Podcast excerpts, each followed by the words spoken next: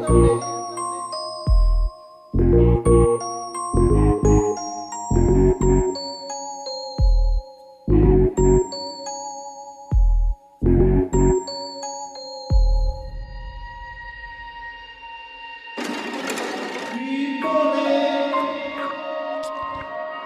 you for joining SOBEO Rants, a platform for local Oakland leaders to have the space to rant about whatever's on their minds as they pursue ways to improve life for black folks here in Oakland. I'm Charles Cole, co founder of State of Black Education in Oakland. Today we are joined by Ms. Selena Wilson, the Vice President of Organizational Effectiveness at East Oakland Youth Development Center. All of that is a, a big mouthful to say. Don't want to say it multiple times in a row. Before that, she was a management consultant for Deloitte. She has a BA in Human Services from Holy Names University and a Master's in Learning and Organizational Change from Northwestern University. How you doing, Miss Selena? I'm good. Thank you for the introduction. I, you know, it's you, you've done a lot of things. It was some more stuff that I actually wanted to put in there, and I like cut back.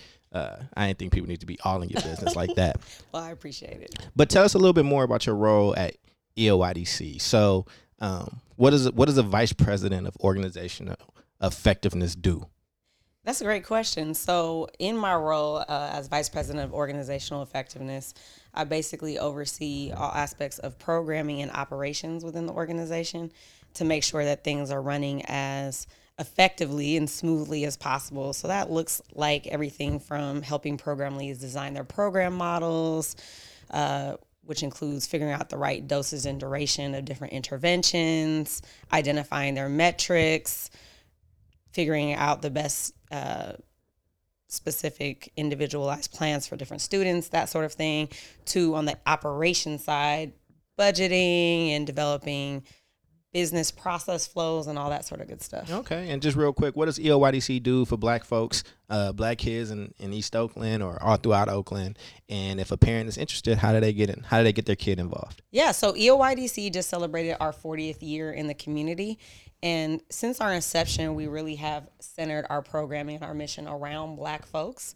We do serve the full range of the community, but about 80%, if not more, depending on the program of our participants are black. Um, most of our staff are black, and we try to be really mindful of the importance of having people on our team that are really reflective of their experience. Um, so, in terms of what we do, we provide a full continuum of services for young people all the way from age five to age 24 in the areas of arts, education, wellness, and careers. So, really trying to set up a space where they can have their developmental me- needs met in a really holistic way. Mm-hmm um, all throughout their school age experience. Okay. Well, I appreciate you sharing that. And if I had a kid that wanted to get involved, how do we get children involved in the program? All right. Yes. So all of our school year programs are free. Uh, so to get involved, all a parent has to do is come down and register. Depending on the program, they may need to attend an orientation. We do rolling enrollment all throughout the year. So at any point in the school year, a young person can come and receive services. We also have services for adults, including high school equivalency test prep. So if parents themselves wanted to go back and earn their high school equivalency if they weren't able to graduate from high school the first time around. We don't have an age cap on that. Um, we also don't restrict programming to those who live in Oakland. So while we do focus on the community of Oakland, we're open to those who've been displaced or otherwise live uh, in surrounding parts of the Bay Area. Um, our summer program, we do have one that has a sliding scale fee. So for those who are interested in a full day uh, kind of day camp experience for their elementary age students, then we register them on a first come first serve basis with, like I said, um, kind of sliding scale fees based on their household income.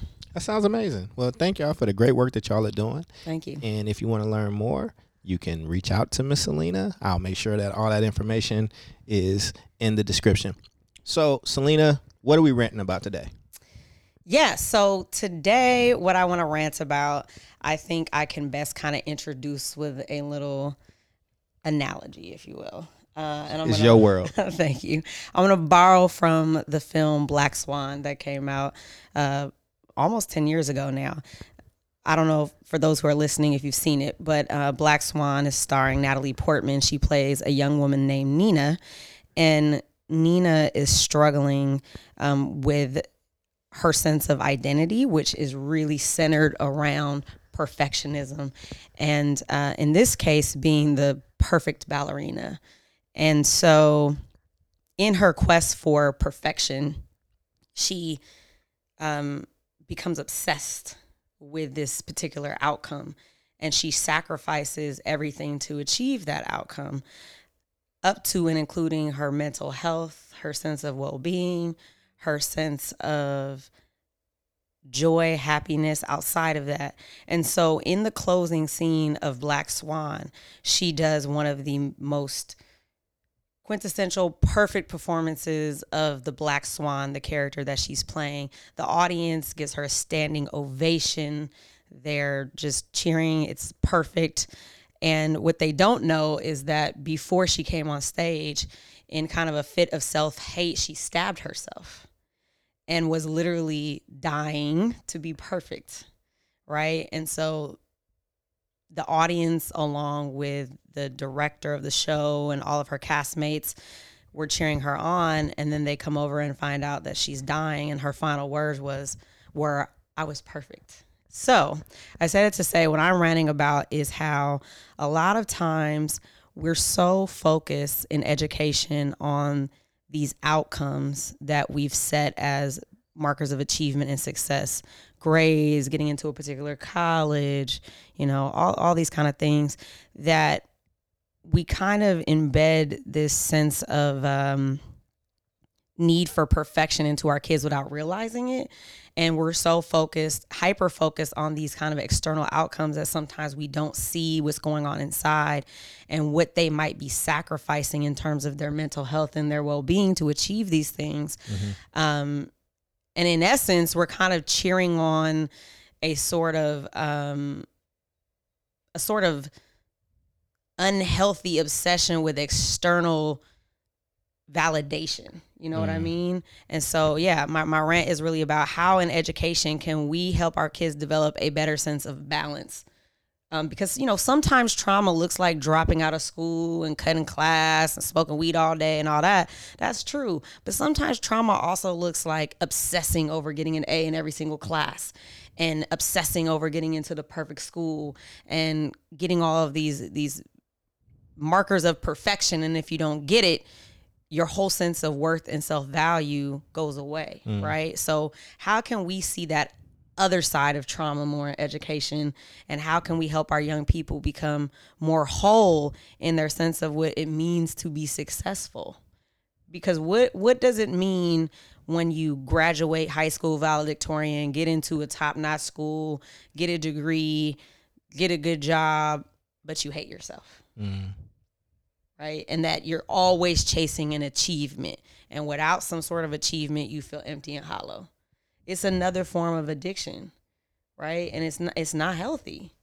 And so, how in education, particularly with black kids, you know, how can we really start to treat them like whole human beings who are beautifully complex, right? Who are more than their grades, who are more than any kind of external validation can ever um, really showcase, right? How, how can we help them really understand what it means to be truly successful, which is to be fulfilled, which is to be able to be your own source of validation internally, to understand intrinsic motivation and really to feel that deep within, to have joy, to be able to, you know, um, have a B minus and not have a meltdown about it and mm. not you know, go on some sort of spiral about not feeling good about yourself because of this. Because I've I've seen that. I've, I've seen kids spiral um, because they get a B, right? And that's not healthy. That's not normal. No, I agree. I think that I think it's an interesting topic, and a lot of questions came to mind. A lot of familiarity came to mind with it. Um, I mean, even in the research that I just conducted myself, right? Like I found something that was pretty similar. So I think there's two things I want to I want to try to do in this next few moments. One, I would love for you because that sounds very personal too. It sounds like um, you know, I, I would love to go a, a, little bit deeper into your background and just who Selena is as a person and what Selena had to become had to do to become who she is right now, because um, it sounded personal. And then two, I want to explore, you know, maybe some motivations as to why that may be like true for a lot of young people, right? Because I wrote similar to what you just also said. Uh, but the place where I wanted to go deeper in, and, and actually in the book that I'm writing that I wanted to talk about was why folks feel the need to have to be um, to have to always do better than the competition to have, always have to be on top of their game and what's kind of driving that right so can we learn a little bit more about like selena where did you grow up where are you from and does any and maybe this stuff doesn't but does any of this stuff actually wrap into who you are as a person yeah no that's a good question i mean it's very very personal um, on several levels. Um, I actually grew up at EOYDC. So I'm from Oakland, grew up in Oakland. I was born in Philly, but came here when I was a baby. So definitely a California girl at heart.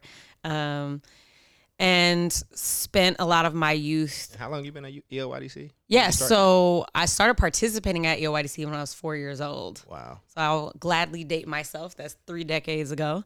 Um, started in West African dance class and participated in a lot of different activities over the years. And it's been a real blessing, honor, all the wonderful words I could put to it um, to be able to come back in a professional capacity now. You know, that said, growing up in East Oakland, under the circumstances that I did. You know, I grew up in poverty. Um, my parents did the best that they could, but they had a lot of their own challenges that they were dealing with. And, um, you know, I, I, had to deal with a lot of external kind of things happening outside of the house, you know, everything from drug raids. You know, I remember in the in the early '90s, SWAT teams coming through the neighborhood on a regular basis um, to kind of clear out crack houses and stuff like that. I mean, and it being normal as a six year old or whatever to see all these like men in black with masks and big guns and you know storming the neighborhood or whatever um, and my next door neighbors getting shot in the head execution style and a bullet coming through my window right, which happened in high school. And I remember after that happened, I never wore pajamas to sleep in my house again. When in, in that house, I I went to sleep every day fully clothed because I wanted to be able to leave my house at any time. Like I did not feel safe at wow. all.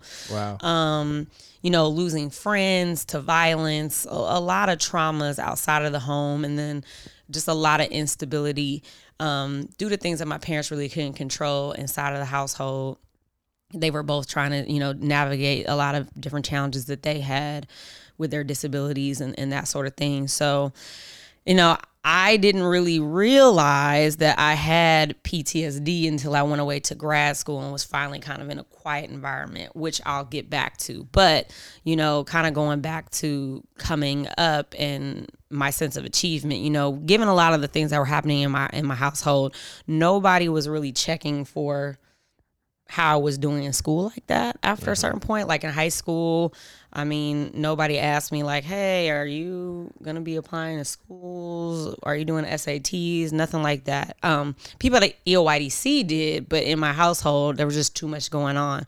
So I kind of had this really weird vacillation uh, between hyper achievement and mm-hmm. just kind of hopelessness and giving up. So if you look at my transcripts at the time, I had either like A's or F's. Mm. It was just like this up and down roller coaster. Then after high school, you know, I went on to community college and kind of worked my way up. And at that point, I think I became really obsessed with achievement, right? I became, like I said, what I call an achievement junkie. I didn't know how to feel good about myself unless mm-hmm. I was doing something, um, which also you know, looked like being a workaholic and that sort of thing. Cause I didn't really feel a sense of inherent value as a human being, right? Which I think a lot of black people experience that, mm-hmm. you know, you are not valuable as a human being. You're only worth what you can do. That's it, right? I, I think a lot of us get those messages kind of subliminally, sometimes just directly, right? Like I remember being told at a certain point by certain relatives like that I was worthless, you know, I I went to a relative's house who had more than us when I was a child. And I remember like I accidentally scratched a piece of furniture and they were like, well, you know, this isn't 71st, this is in the hood, you know, kind of implying that I didn't know how to be around nice things. Um, and I think I internalized a lot of that and really did not feel good about myself. I felt good about what I could do, but I didn't feel good about myself. And so, you know, what I realize is that we really do have to teach our black children that no matter what you do or don't do, you are valuable as a human being, period. You could do nothing. You could sit on the couch your whole life, play video games, do nothing. You're still valuable because you're a human being. Um, But does society see it that way though, right? Like, I mean, is Right. that? I mean, that's something that you might say to somebody, and that's something that a value that you might hold because this is the type of work you do, and you're just a dope person. But that's not the message that I have ever received, like from a society, right? Like, as as I think about, as I listen to your story, and I think about myself in that space, and like, you know, one of the motivations for me to try to do the school thing was just like, hey, my parents didn't go to school. My parents were addicts. The only way for me to kind of have success is to do the opposite of that and achieve academically, and that's going to open up other opportunities for me. I don't, I, you know, listening to you, right? I don't know if I felt the exact. I mean, maybe I, maybe you just described exactly how I felt. Like I didn't deem myself worthy as a person just for existing. Um, but I also grew up you know, I grew up in Oakland as well, but I was born in Chicago and I came here when I was young, similar to you. I was a little older when I got here. I was 10, but living with my grandmother and just living in, in Chicago and in Kentucky, it was very important what a man did. It was very important um, what he put back into the world, right? So the whole mantra for me throughout college, as I was building companies or through my jobs or whatever was, I wanted to leave more in the world than I took from it. And so I'm listening and I think that was just beautiful how you broke that down. And I'm also trying to wrestle with it at the same time, right? Like, because I think that's a good message that you matter regardless. But I'm also hearing in the back of my head, you matter regardless if Selena is at the helm, you know. But in a world where, you know, everybody don't look at that black body the same way that Selena Wilson looks at that black body, you know, what's the message that you're getting? Right. I mean, and, and that's real. That's that's why we have to have Black Lives Matter, right? Because uh, in a lot of ways, we're taught that they don't matter, mm-hmm. right? Like just the fact that we have to do at least twice as much to get the same mm-hmm. means that people don't see our inherent value. In fact, they see us being at a deficit Right. right? That said, I do think we need to start teaching our children to believe within themselves that if no one else values you, mm. you need to value yourself. You have an inherent Right. value because you are here, you exist. That is in and of, itself valuable. Everything you do after that is is addition, which is good, right? Like it's good to add value, but just because you're not adding value doesn't mean you don't have value mm-hmm. right? And I think that you know, in a capitalist society, in a, a society plagued with white supremacy and these sort of things, it, it's part of the problem, and part of why we see so much self self hate and self loathing is because we really don't feel like we are valuable just for existing right? But we are. Like we, we absolutely are. Just for being here you have untold potential and that means something right? So and I think that's one of the the things you know. Black kids have, I think, twice the suicide rate as white kids, right? Really? I didn't know Yeah. Um, last I checked, and we don't think of that as being like an issue in our community because we don't really like to talk about mental health, but it is, you know, and, and not just kind of the traditional suicide, but very slow forms of suicide, right? Um, the statistic I was referring, referring to was talking about more kind of traditionally what we think of as suicide. But when we look beyond that, when we look at like the other number one killers of our kids, you know, drug abuse, uh, things that result from promiscuity, right? In terms of unsafe sex, um, violence, the kinds of things that result from toxic behaviors that oftentimes are are used as coping mechanisms really right they're unhealthy ways of coping with a sense of emptiness which i think a lot of times comes from ultimately this sense of um, a lack of self worth, a lack of self love. A lot of times we don't know how to love ourselves, mm-hmm. right? And because we do not love ourselves, we have to find something external that we can associate with ourselves to feel love, right? So I need this achievement. I need this partner. I need these likes on Instagram or these followers. Like I need these things to feel good about myself because I don't know how to feel good about myself within, mm-hmm. right? And so, kind of going back to my own personal experience, it's not until I was in graduate school. You know, I think Jim Carrey, I'm going to butcher this uh, paraphrasing here, but he said something like, you know, my one wish is that for everyone is that they could get everything that they ever wanted so that they could see that that's not it. Right. So here I was in grad school at one of the top universities studying a subject matter I was really passionate about. I just got an offer from one of the top firms that I wanted to work for. Um, you know, six figure salary, all kind of good stuff. Living in a great apartment in a quiet environment. I had everything that I could want outside of myself, and I was still very unhappy. Right. And so I had to contend with why is that? And, you know, I started going to therapy and realizing that I had been sold a, a bill of goods. Right. right. This, is this American dream is this idea of that, like, once you obtain all of these things, mm-hmm. these degrees, these salaries, these, you know, possessions, whatever, you're going to feel good about yourself. And that's not true. Mm-hmm. like, you're not, like, because that's an inside job. Right. And so I kind of had, uh, a crisis of realizing, oh my gosh, like here I have everything I could ever want and I'm not happy.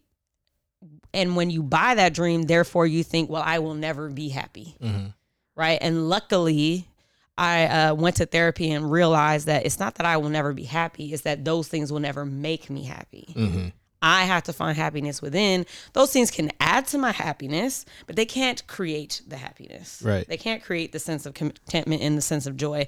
And I say all that to say, when I go back and think about all the things that educators had taught me to focus on, they were very external facing things. Mm-hmm. that's not bad, but it's like who was checking in with me to see how I was doing emotionally? Mm-hmm. Who was teaching me to not beat myself up? Right? Who is teaching me um, that it was okay to make mistakes and to fail and that sort of thing in an educational setting? Because mm-hmm. actually, I was hearing the opposite. I remember they used to do these what I would call scared straight assemblies, where mm-hmm. they march all. You know, I went to Castlemont High School, which was I want to say like 80% black and Latino. We literally had like two white kids out of 2000 um, all kids of color, and they would regularly march us into you know assemblies or in classes and and give us the statistics, mm-hmm. right? You know, only twenty five percent of you are gonna graduate or whatever it is. Oh, you know, X percentage of you are gonna be dead by the time you're twenty five. X percent of you are not gonna go to college, whatever. And I understand that they thought that was motivational, but it was the opposite for a lot of us, including me, right? Mm-hmm. Because you're already seeing the realities of, of a lot of the challenges around you, right? Like I, I have friends that are dying. Right. I, I know people who are struggling their whole life. Um, you you know, you're making it feel like all of this is gonna maybe be for naught, right? Um, because what chance do I have? Why right. me? Why am I gonna be the one to make it, right? And so I remember kind of vacillating again between like hopelessness and you know, obsession with with perfection and, and getting things right. And both states were really very unhealthy mm-hmm. and both states in, in part were fueled by well-meaning educators who thought that they could use fear as a tool what about when it does work as a tool though and the only reason i say that right like a lot a large part of who i am has a lot to do with like fears, right? So like, mm-hmm. you know, living in shelters, you know, never once live in a shelter again. Uh, visiting both my parents in jail, never wanted to visit anybody else in jail. Knew I wasn't built for it. You know, it's interesting that you said the thing about the statistics because I remember when we used to get those stats too. But they got those stats would get me like amped up in a different type of way. Like, oh, I'm gonna beat this and I'm gonna beat y'all and I'm a, I'm gonna beat everything around me, and that's not necessarily healthy either. but you and I both live a different type of life now, right? Regardless of like how we got here. So mm. I guess I'm trying to figure out because this is tough for me. It's really tough because now we know, like, you can't tell somebody with no money that money don't fix your problems. Like, you you can't have money and be like, well, money ain't the ain't the ain't the solution to all your problems because when you really poor, money is actually a a solution to a lot of problems. Like, you actually have to get it, still feel empty, and then be like, okay, I actually need more. But I don't know if I can hear that if every day I'm eating top ramen, if every day I'm eating tuna, if every day like we we going between either the lights being off or the water gonna be off or something like that, right? Which is something that a lot of people go through, right? So I look at our roles in the community and our roles with like the folks that look up to us and and that's still weird, right? I still don't like the fact that people tell me that they look up to me or like people people's parents are like like I don't I don't like that pressure because it's like I'm I'm I'm screwed up still, right? Like I'm I'm just as jacked up and I think that what you're trying to do is kind of help pull that veil away, right? Like you said something really important. You talked about therapy. I go to therapy as well. It's it's it's so frowned upon in our community. You know what I mean? As one, it's not something that people seek out. Like you damn near trained that when people ask you how things are going in your house, that like you don't talk about what's going on Right. in no, this house. Yeah. That's not what you Yeah. do. Uh, but Donald Glover, who makes Atlanta, and I love that show, but he was doing an interview and he was saying, you know, people, poor people can't afford therapy. So, you know, they smoke weed every day. Like, right. like, like that's their way to kind of escape. So I guess my question is, is for somebody that's still in it, somebody that's still kind of in that trap, somebody that is little Selena or little Charles, and maybe their parents aren't, maybe their parents are similar to where ours were, where those navigational skills around education or attainment or whatever was non-existent in the home. You know, what what are we saying to people that are in charge of their lives, those young people themselves, educators, folks that's running organizations like EOYDCs or churches or whatever. Like what what is your message to them about how to help a young person leave them whole?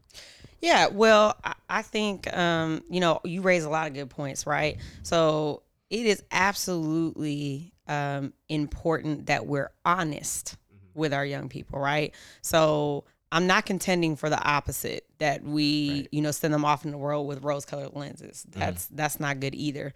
What I'm contending for is balance, mm-hmm. a whole painting the whole picture, right? So let's have a deeper, more meaningful conversation about these statistics. Mm-hmm. Okay. So when you tell a young person something like, hey, this is the graduation rate.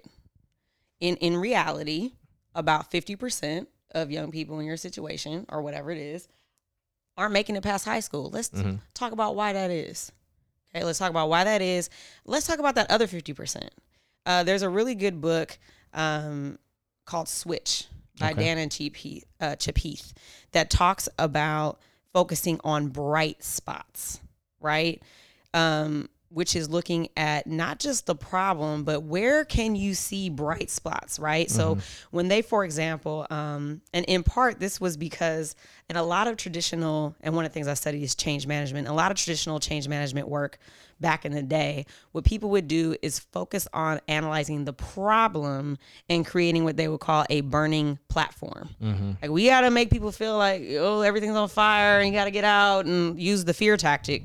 The problem is what we were learning through cognitive science is that when people are in fear mode, they're not using their full brain. Mm. Their executive functioning kind of shuts off, right?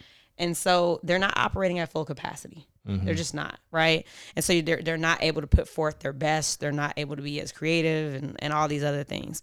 So, what you want to do instead is focus on here are the challenges and here is what's working really well in a similar setting right so going back to some of the, the research they did when they were looking at for example infant mortality rates in certain regions of the world initially what they did was try to figure out okay what's wrong? What nutrients are they missing? Whatever. And then they were creating um, these kind of long lasting food resources that they could give the mother, mothers in the villages. And they didn't see a lot of results from that. Then what they did was take a different approach and were like hmm where can we find little hubs of people in this region who don't have these infant mortality rates. What are they doing differently? And so they were able to see what they were doing differently and kind of share those best practices and it took more because it was organic. So I say that to say if if with our young people we sit down and say, look, y'all know the problems. We know what's going on. Like let's have an honest conversation about that. And let's talk about the people around you who are succeeding. Like mm-hmm. give them some inspiration as well. Right. Right? Like let us not just hyper focus on all the negativity because they're inundated with that all of the time. Right? Like show them and uplift examples of what is working well around them and also in their own life, right? Like I um That that didn't exist for me when I was younger. I just want to be very clear. Like that was not some, like I don't know if you had other little Selenas around you that were that you could look up to that would that that had been successful and gave you a map for it. But for me, and I've shared this story before, I lo- Jerry Maguire was like my, one of my favorite movies. I love Jerry Maguire. I wanted to be a sports agent so bad, right? But I ain't never seen a black sports agent up at that moment. So like Jerry Maguire might as well have been Batman or Superman, like in fantasy. That's not something that I saw people doing. I saw people that were successful from my neighborhood playing ball, rapping or selling drugs or like banging, right? Like my and my dad tried to sell drugs, he wasn't good at it. You you know, turns out you can't smoke as much of the product as you do sell it, right? That's just not how that works. That's just not it's not a good business model. You know what I mean? So so I mean, you were at EOYDC since you was four, so you probably did see some other people, but I had to kind of fly sight unseen a little bit. You know what I mean? And maybe you did too, but you know, I had to go so hard and make so many mistakes because there wasn't somebody in front of me that was like, okay, this is how you do this, this is how you do that. Like that's, I mean, I got a lot of degrees and it's great and I love it. I don't, I wouldn't trade any of them, but I owe a lot of bread. Like I owe it. Like if I didn't owe the hundred and some thousand dollars back that I took, I actually could be living like a really different type of life, right? You know, so no, I just I, I hear what you're saying and I love what you're saying and I, and I'm so glad that you know that EOYDC is around and they have people like you and Miss Regina and Landon who I I would love for both of you to be on the show by the way we have to make that happen but but but everybody don't have that Right. You know what I think, mean? I think here's the difference what we're talking about. The difference between bright spots and and kind of um the perfect role model Mm-hmm. are that bright smart bright um, spots can be really small right so like going back to the example of the village these were not people who were like wealthy doing really well kids thriving in every area Mm-hmm. they were just feeding their infants in such a way that their infants weren't dying, right? So it's like a small intervention that they were able to do that made a big difference. Now here's another example of a bright a bright spot that might seem really small but is super meaningful. And I'm gonna shout out another podcaster here, C Dub, uh, Carolyn. She's a educator, and you know she posted something that I thought was what's really the name of the podcast so we can C Dub, the C Dub show. Oh, okay. Yeah. So she posted a story that I thought was really powerful. She was talking about a student. This is a young black lady that she uh, was teaching who was like, I hate, you know, I hate school. I hate this. I hate that. I hate this. I hate that. And she's like, man, you seem to hate everything. Like, is there anything you don't hate? She's like, well, I really like cooking. Oh, okay. Like, tell me more about that. And, you know, she told her about the cooking show she's like, likes to watch, the things she likes to bake. She was like, well, what if you did that more? She's like, yeah, but you know, I can't really do anything with that. She's like, nah, look, and had her do all this research on all the ways that she could study it, make a career out of that, whatever. And now this young lady has this seed of passion in her now, mm-hmm. right? So a little bright spot. right Maybe you're not thriving in this area, that area, this area, right? Helping them find something that is going well mm-hmm. within them or around them. So, you know, I didn't necessarily have the perfect example of somebody that got everything right, but I would see little seeds of it, right? And having read a little bit of your research, you know, even seeing the barber mm-hmm. doing something he loved Yeah. and making a way for himself. That's not a doctorate, but you see him doing oh, something Oh, no, I- I, productive, I, I right? wouldn't be where I'm at if I didn't right see that type so of black those are bright spots right so Right. e- it doesn't have to be perfect for it to be a bright spot so again i think helping our kids find those small wins which is something else we talk about in change management you know we do these in, in the corporate sector people need to see small wins mm-hmm. usually to stay the course Right. right? So when you're a young person and everybody's talking about how great life's gonna be when you get out of college, on the one hand, and on the other hand, people are telling you you're probably not gonna live that long. Right. I mean, like, of of course you might be more tempted to do the risky things and live life fast because it might be over, right. right? So we have to give them something to hope for along the way. It can't just be, hey, just keep your head down and do what you got to do, and when you're 25, you'll you'll be happy, Right. right? And at the same time, we also can't sell them a bill of goods. Like they got to have dreams with feet, as uh, Regina Jackson, our executive director, says all the time, CEO rather. Um, so you have to help them be grounded in reality while also helping them to see the bright spots they may, may be missing because everybody's constantly just pointing out the dreariness Right. around them. You know what I'm saying? So I think that's part of the key, as well as destigmatizing things like therapy and counseling. Right. Like the only reason why I went to therapy in the first place, it wasn't because I realized I had PTSD and all this. At first, it was because my dad got paralyzed and I was, and my grandmother had just died and all that, and I was grieving. So I went under the kind of auspice of grief counseling. Mm-hmm. And once I was there, it opened up a whole can of worms. I thought I was fine. I thought, oh, you know, all that was in my childhood. I'm good. Da, da, da. You know, because at first, when my therapist was asking me questions about that, I was like, oh, no, I'm fine. Don't need to talk about that.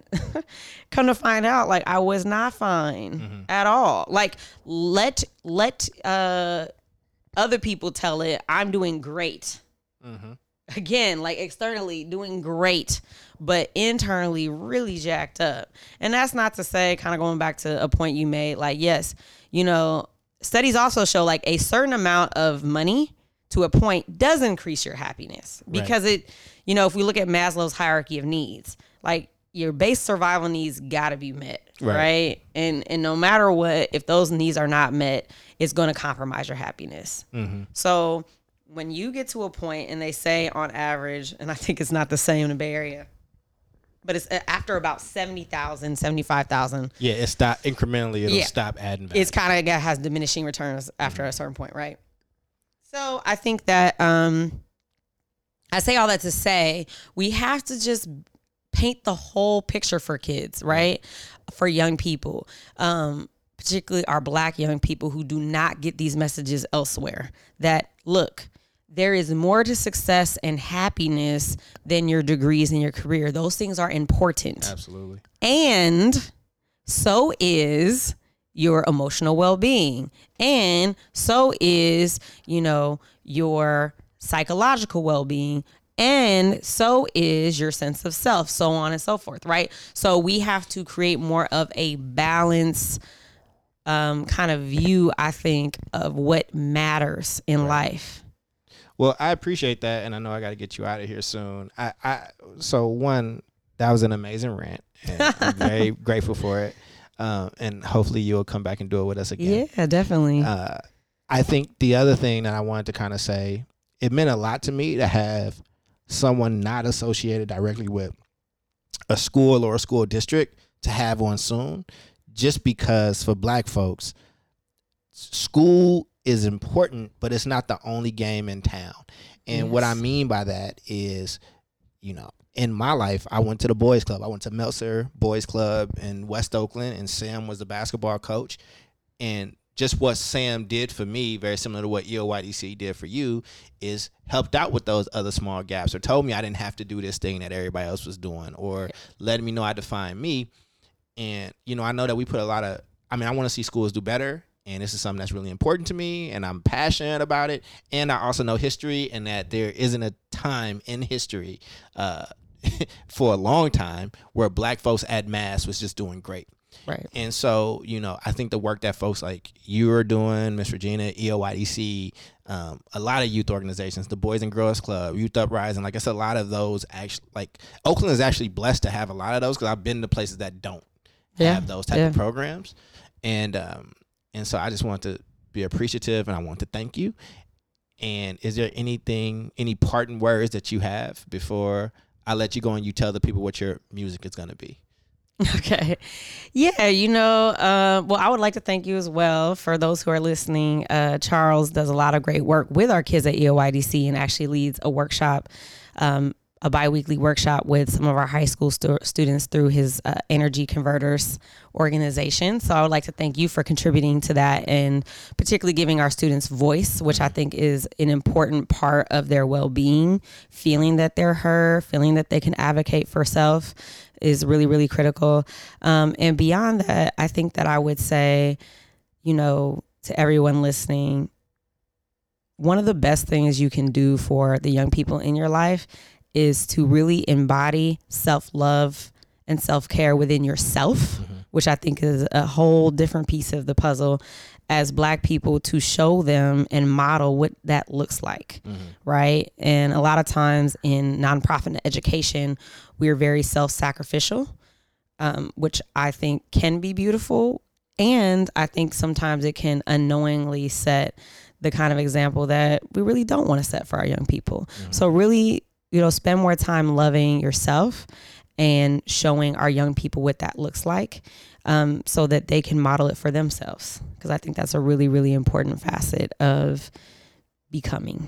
Awesome. And, you know, one of the things that we try to offer our guests is we have them pick the the the, the line of music that they want to have, their intro, their oh, outro. that's right. And, yeah. And, you know, and so I would love for Miss Wilson to tell us the two songs that she's thinking about and that's these are the, this is why you are hearing these songs playing. Yes. So what what are we choosing and why? All right. So um one of my or my actual favorite rap song of all time is I Got Five on a remix by the Luniz, uh, featuring all of our Bay Area legends, you know, E40, Richie Rich, you know, Dru Down, mm-hmm.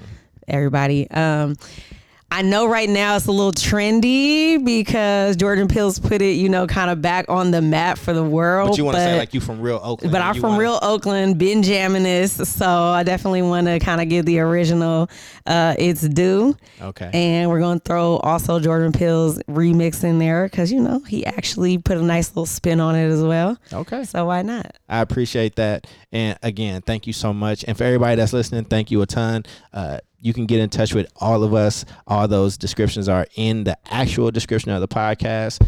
Thank you for joining us and join us for our next rant. Peace.